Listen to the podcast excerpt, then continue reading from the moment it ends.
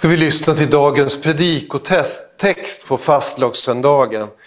Ehm, det är del av vår evangelietext idag. Vi läser den en gång till, inte minst för de som kanske tittar i efterhand här.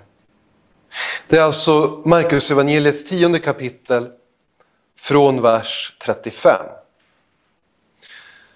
Då kom Jakob och Johannes, Sebedeus söner, fram till Jesus och sa Mästare, vi vill att du ger oss vad vi ber dig om. Han sa till dem, vad vill ni att jag ska göra för er? De svarade, låt oss få sitta bredvid dig i din härlighet. Den ene på din högra sida och den andra på din vänstra. Jesus sa till dem, ni vet inte vad ni ber om. Kan ni dricka den bägare som jag dricker eller döpas med det dop som jag döps med? Svarade, det kan vi. Jesus sa till dem, ni ska få dricka den bägare som jag dricker och döpas med det dop som jag döps med. Men platserna på min högra och min vänstra sida är det inte min sak att ge bort. De ska ges åt dem som de är beredda för. När de tio andra fick höra det blev de upprörda över Jakob och Johannes. Då kallade Jesus till sig dem och sa Ni vet anses vara folkens ledare beter sig som herrar över dem och att deras stormän härskar över dem. Men så är det inte hos er. Nej, den som vill vara störst bland er ska vara de andras tjänare. Och den som vill vara främst bland er ska vara allas slav. Människosonen har inte kommit för att bli betjänad utan för att tjäna och ge sitt liv till lösen för många. Amen. Herre, helg oss i sanningen. Ditt ord är sanning. Amen.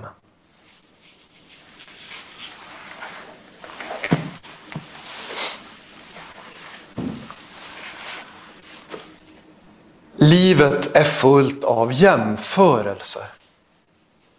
Vi använder ofta jämförelser för att förstå vår omgivning och oss själva.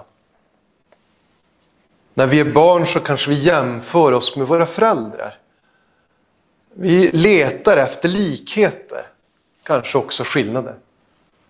Har vi syskon så jämför vi oss med varandra. Vem är bäst? Vem är starkast?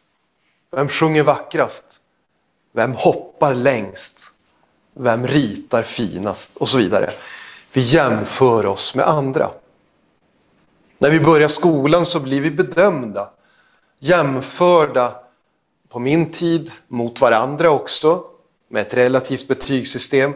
Nu jämfört med betygskriterier. Hur mäter vi oss mot den här måttstocken på vad som är bra och vad som är ännu bättre. Det här är naturligt för oss människor. Och det finns någonting som är grundläggande också i den syndiga attityden. Just att vilja jämföra sig med andra och att vilja jämföra sig med människor som helst är lite sämre. För att kunna känna sig lite bättre. Det Jesus håller fram för lärjungarna i vår text idag får bli vårt tema för dagens predikan. Den största är den minsta och den minsta är den största. Vi börjar med det första där, den största är den minsta. Vi ser på lärjungarna i evangelierna att den här tanken var något som de funderade över. Vem är den bästa lärjungen egentligen? Vem kommer att få den bästa platsen i himmelriket? Vem kommer att få leda de andra och få vara lite chef? Det var någonting som de funderade mycket på och också ibland diskuterade. Vi ser det på flera ställen i Bibeln. Ibland så verkar de diskutera vem som på något sätt ska få vara ledare här på jorden över lärjungaskaran. Men i våran text idag, då ville de prata om, egentligen Jakob och Johannes ville prata om, vem ska få den mest framskjuta platsen i himlen? När Matteus återberättar det här, då får vi höra att Jakob och Johannes är inte ensamma, utan de har med sig mamma. Hon följer med dem till Jesus för att prata om det här. Hur ska det bli i himlen? Vilken plats ska mina söner få? Sebedeus söner, Jakob och Johannes, de nämns ganska ofta i evangelierna. De verkar ha varit framstående i lärjungaskaran. Det är ofta Petrus och Jakob och Johannes som får lite extra förtroende av Jesus. De får vara med på förklaringsberget. De träder fram och representerar gruppen ibland. Vi ser också efter Jesu himmelsfärd att de är viktiga i lärjungaskaran. Petrus får en ledarroll. Johannes som är den yngsta lärjungen är den enda, tror vi, som inte lider döden för sin tro. Som inte blir en martyr utan får leva till hög ålder. Han är nog ungefär 90 år, lite drygt, när han skriver Johannes uppenbarelse. Han kallas den gamle i slutet av sin levnad medan han i evangelierna är den unge. Lärjungarna visar här på att istället för att känna tacksamhet så tänker de kring revir och status. De skulle ju ha kunnat tänka vad fantastiskt det är att få vara en av få som får lyssna till Jesus. Vi är med honom på hans resa. Vi får sitta vid hans fötter och lyssna till hans förklaringar. När han förklarar det vi inte förstår. Vi får ta del av hans omsorg. Vi har blivit räddade av honom när vi trodde att vi skulle gå under i stormen. Vi har blivit mättade av honom när vi trodde att vi skulle få gå hungriga. Men istället så funderar de lite grann på vilken roll de ska ha sinsemellan. Och det gäller ju inte bara Jakob och Johannes utan också de andra tio som blir lite oroliga och upprörda står det över att Jakob och Johannes har gått och pratat med Jesus och försökt förhandla till sig en bra plats i himmelriket. Istället för att vara tacksamma över att de får vara en av bara tolv lärjungar som är med Jesus hela vägen på hans resa. Istället för att fokusera på det så vill de vara nummer ett. Eller i det här fallet 1A och 1B kanske. Det här sättet att tänka, det är lätt att falla in i även i kyrkan. Där kan man också diskutera vem som är störst, vem som är viktigast. Det värsta exemplet är väl påven i Rom. Som av tradition vill mena att han är Kristi ställföreträdande på ett unikt sätt i världen. Att han när han uttalar sig från sin tron, ex katedra, då är det lag för alla kristna. Han som hävdar att utanför hans kungadöme, påvedöme, så finns det egentligen ingen frälsning. Det finns ingen kristen som inte böjer knä för påven. Ja, det är väl det värsta exemplet på att någon vill höja sig över andra kristna och överskatta sin egen betydelse. Men det finns också samfund som har så kallade apostlar. Som har fått en särskild roll att uppenbara Guds vilja. Ibland får de här apostlarna uppenbarelser från Gud, säger de. Och då kan det vara att det är dags att ändra läran i kyrkan. Antingen kan det vara så att man tycker att någonting i Bibeln har blivit föråldrat och nu måste vi anpassa oss till samhället. Eller så är det att man inser att kyrkan har haft fel inom viss lärofråga och nu vill man rätta till det. En apostel har talat. I Sverige kanske mest känt med biskopar och ärkebiskop som väljs på ett ganska komplicerat sätt för att vara den främste företrädaren för Svenska kyrkan. och liksom peka ut riktningen vart man är på väg. Vi kan se att Svenska kyrkan svänger i viss mån beroende på vilken ärkebiskop som regerar. Även om de inte har den typ av makt som påven har. Med KG Hammar, den förrförre ärkebiskopen, då kastade man loss nästan helt från Bibeln. Han ifrågasatte ju allting i Bibeln. Eh, var väldigt osäker på om det överhuvudtaget fanns någon sanning överhuvudtaget. Och sen fick de någon som hette Antje Jackelén som ville öppna upp för andra religioner och tyckte att alla monoteistiska religioner som tillber en gud, kristendom, judendom, islam, egentligen är samma religion. Spelar Jesus någon större roll egentligen för en kristen kyrka? Och nu har vi en ny ärkebiskop. Vi får se hur han vill prägla Svenska kyrkan. Men det finns den här önskan att ha en mänsklig ledare som är den största. Men det är inte bara i kyrkan, utan även i vardagen så diskuterar man vem som är störst, vem som är mest betydelsefull. Vem ska vara chef på jobbet? I, eh, på många arbetsplatser så behöver man jämföra sig själv med andra när det är dags för lönesättning. Vad har just du gjort för att främja företaget? Hur svarar du upp mot våra lönekriterier? Lever du verkligen våran värdegrund? Man behöver jämföra sig med andra och fundera, hur bra är jag? Vart faller jag in? Och så får man veta det av sin chef. Ja, du ligger någonstans i mitten kanske. Då. Vi uppmanas att konkurrera med varandra, eller hur?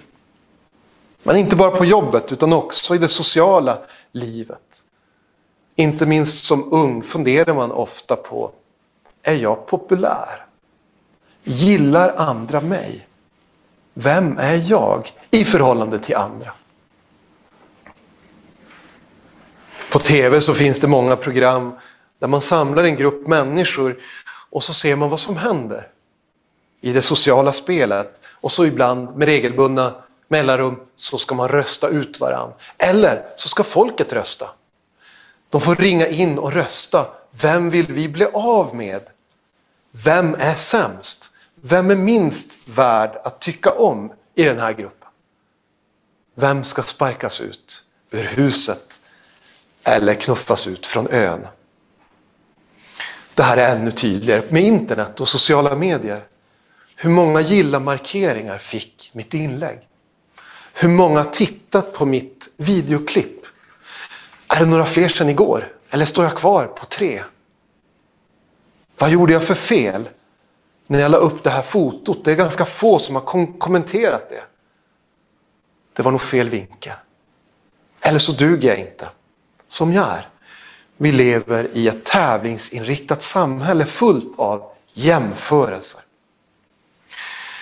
Men också i nära relationer så jämför vi oss med vår make eller maka, eller hur? Titta vad jag har gjort. Jag har dammsugat hela huset.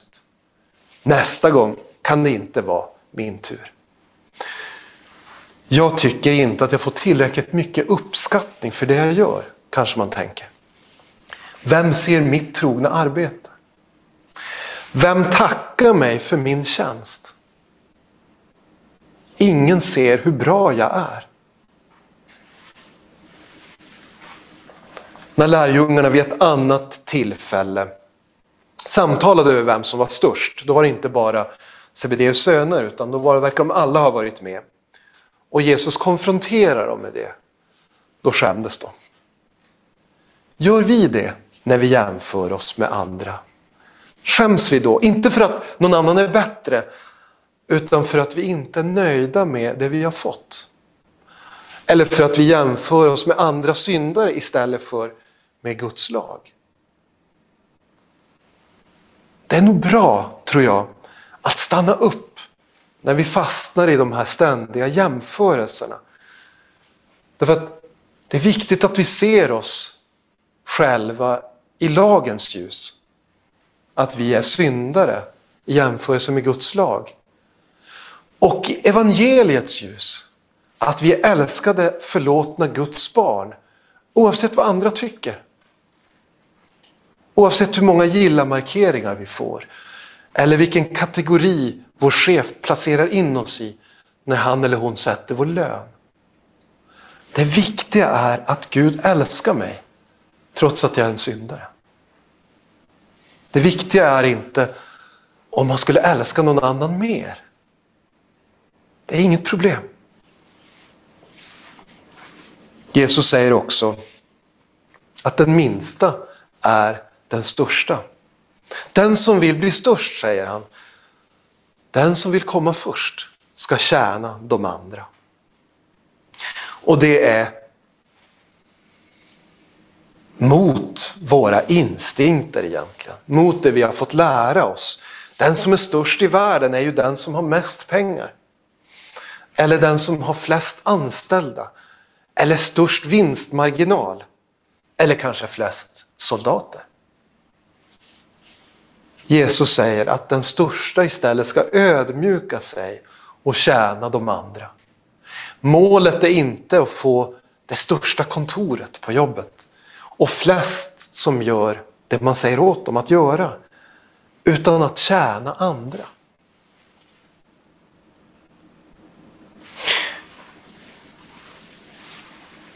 När Jesus beskriver den yttersta dagen, då talar han om människor som är rättfärdiga av nåd. Och människor som är orättfärdiga för att de inte tror på honom.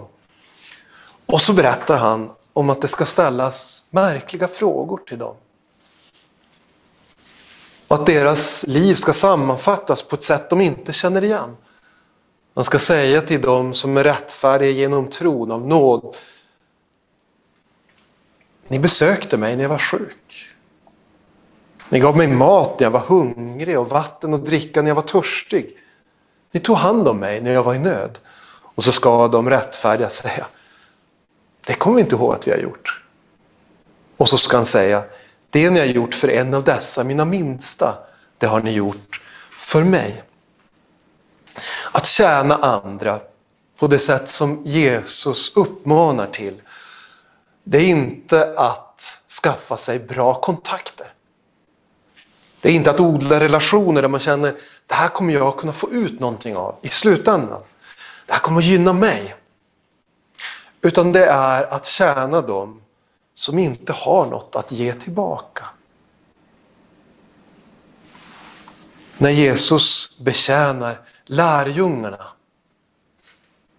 på skärtorsdagen, när han tvättar deras fötter, då gör han inte det för att han tänker, jag kommer behöva de här lärjungarna, för jag kommer snart att bli ensam.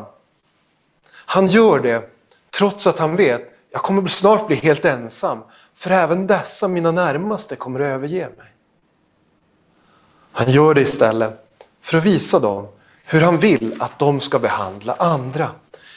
Alltså inte kiva om vem som är bäst, utan istället vara de andras tjänare. Den som tar emot en av dessa, mina minsta, säger Jesus, han tar emot mig. Den som tar emot en av dessa, mina minsta, i mitt namn. När vi tjänar andra, då ska vi göra det i Guds namn. För att det ska kunna få eviga följdverkningar. Vem får äran när vi gör saker som är goda? Vem får äran då? Om vi själva får äran så kan det vara av viss nytta. Men om Gud får äran, om vår tjänst leder människor till deras frälsare Jesus, då är det verkligt värdefullt. Vad är motivet med vår tjänst, med det vi gör i Guds rike? Varför gör vi det? Det är viktigt att ha rätt motiv, att leda andra till Jesus.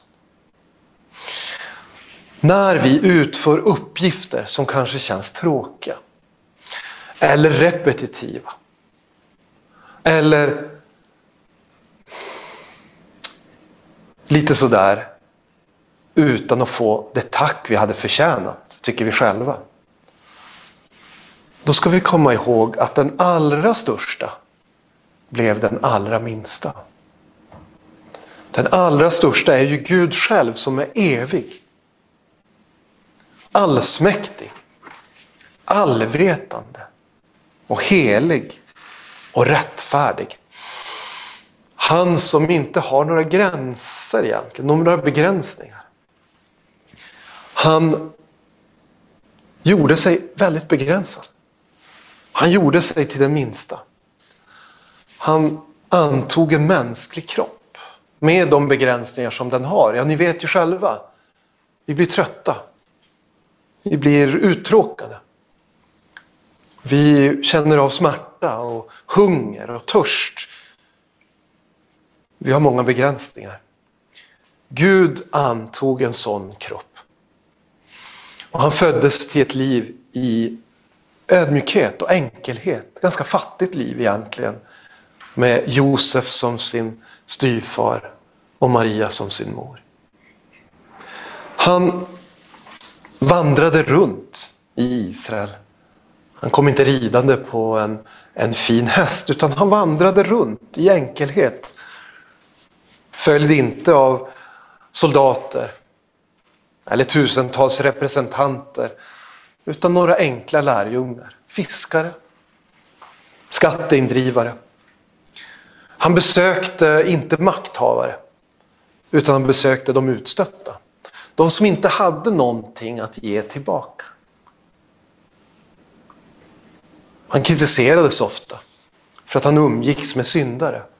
Istället för att hålla sig till samhällets översta skikt, eller åtminstone de som var på samma nivå som han. Han blev övergiven av sina vänner. Han blev överlämnad till främlingar, piskad och slagen, dömd som en brottsling, avrättad och hånad. Och där på korset, då är han verkligen den allra minsta. Han bär hela världens alla synder. Dina synder, mina synder. Han lider för dem. Han får till och med känna hur det är när Gud vänder en ryggen. Min Gud, min Gud, varför har du övergivit mig? ropar han i sin ångest där på korset. Så liten är han, den allra största. Fastan handlar om att vi ska komma ihåg allt det här Jesus gjorde för oss. Hur han ödmjukade sig, hur han gjorde sig liten för att vi skulle kunna bli stora. Hur han gjorde det av kärlek till just dig. Att han där kände dig innan du ens fanns till. Det är något att stanna till inför under fastetiden. Både vetskapen om att det var mina synder som spikade fast honom på korset. Men också vetskapen om att när han vandrar upp till Golgata så gör han det av kärlek till mig. Vilket märkligt under. Den största blev den minsta för att vi som är så små ska kunna bli helgon. Och möta honom i himmelriket. Amen. Låt oss be. Käre Herre Jesus. Förlåt oss för alla de gånger som vi likt Jakob och Johannes har tänkt för stort om oss själva. Och tyckt att vi borde förtjäna mer än vad vi får.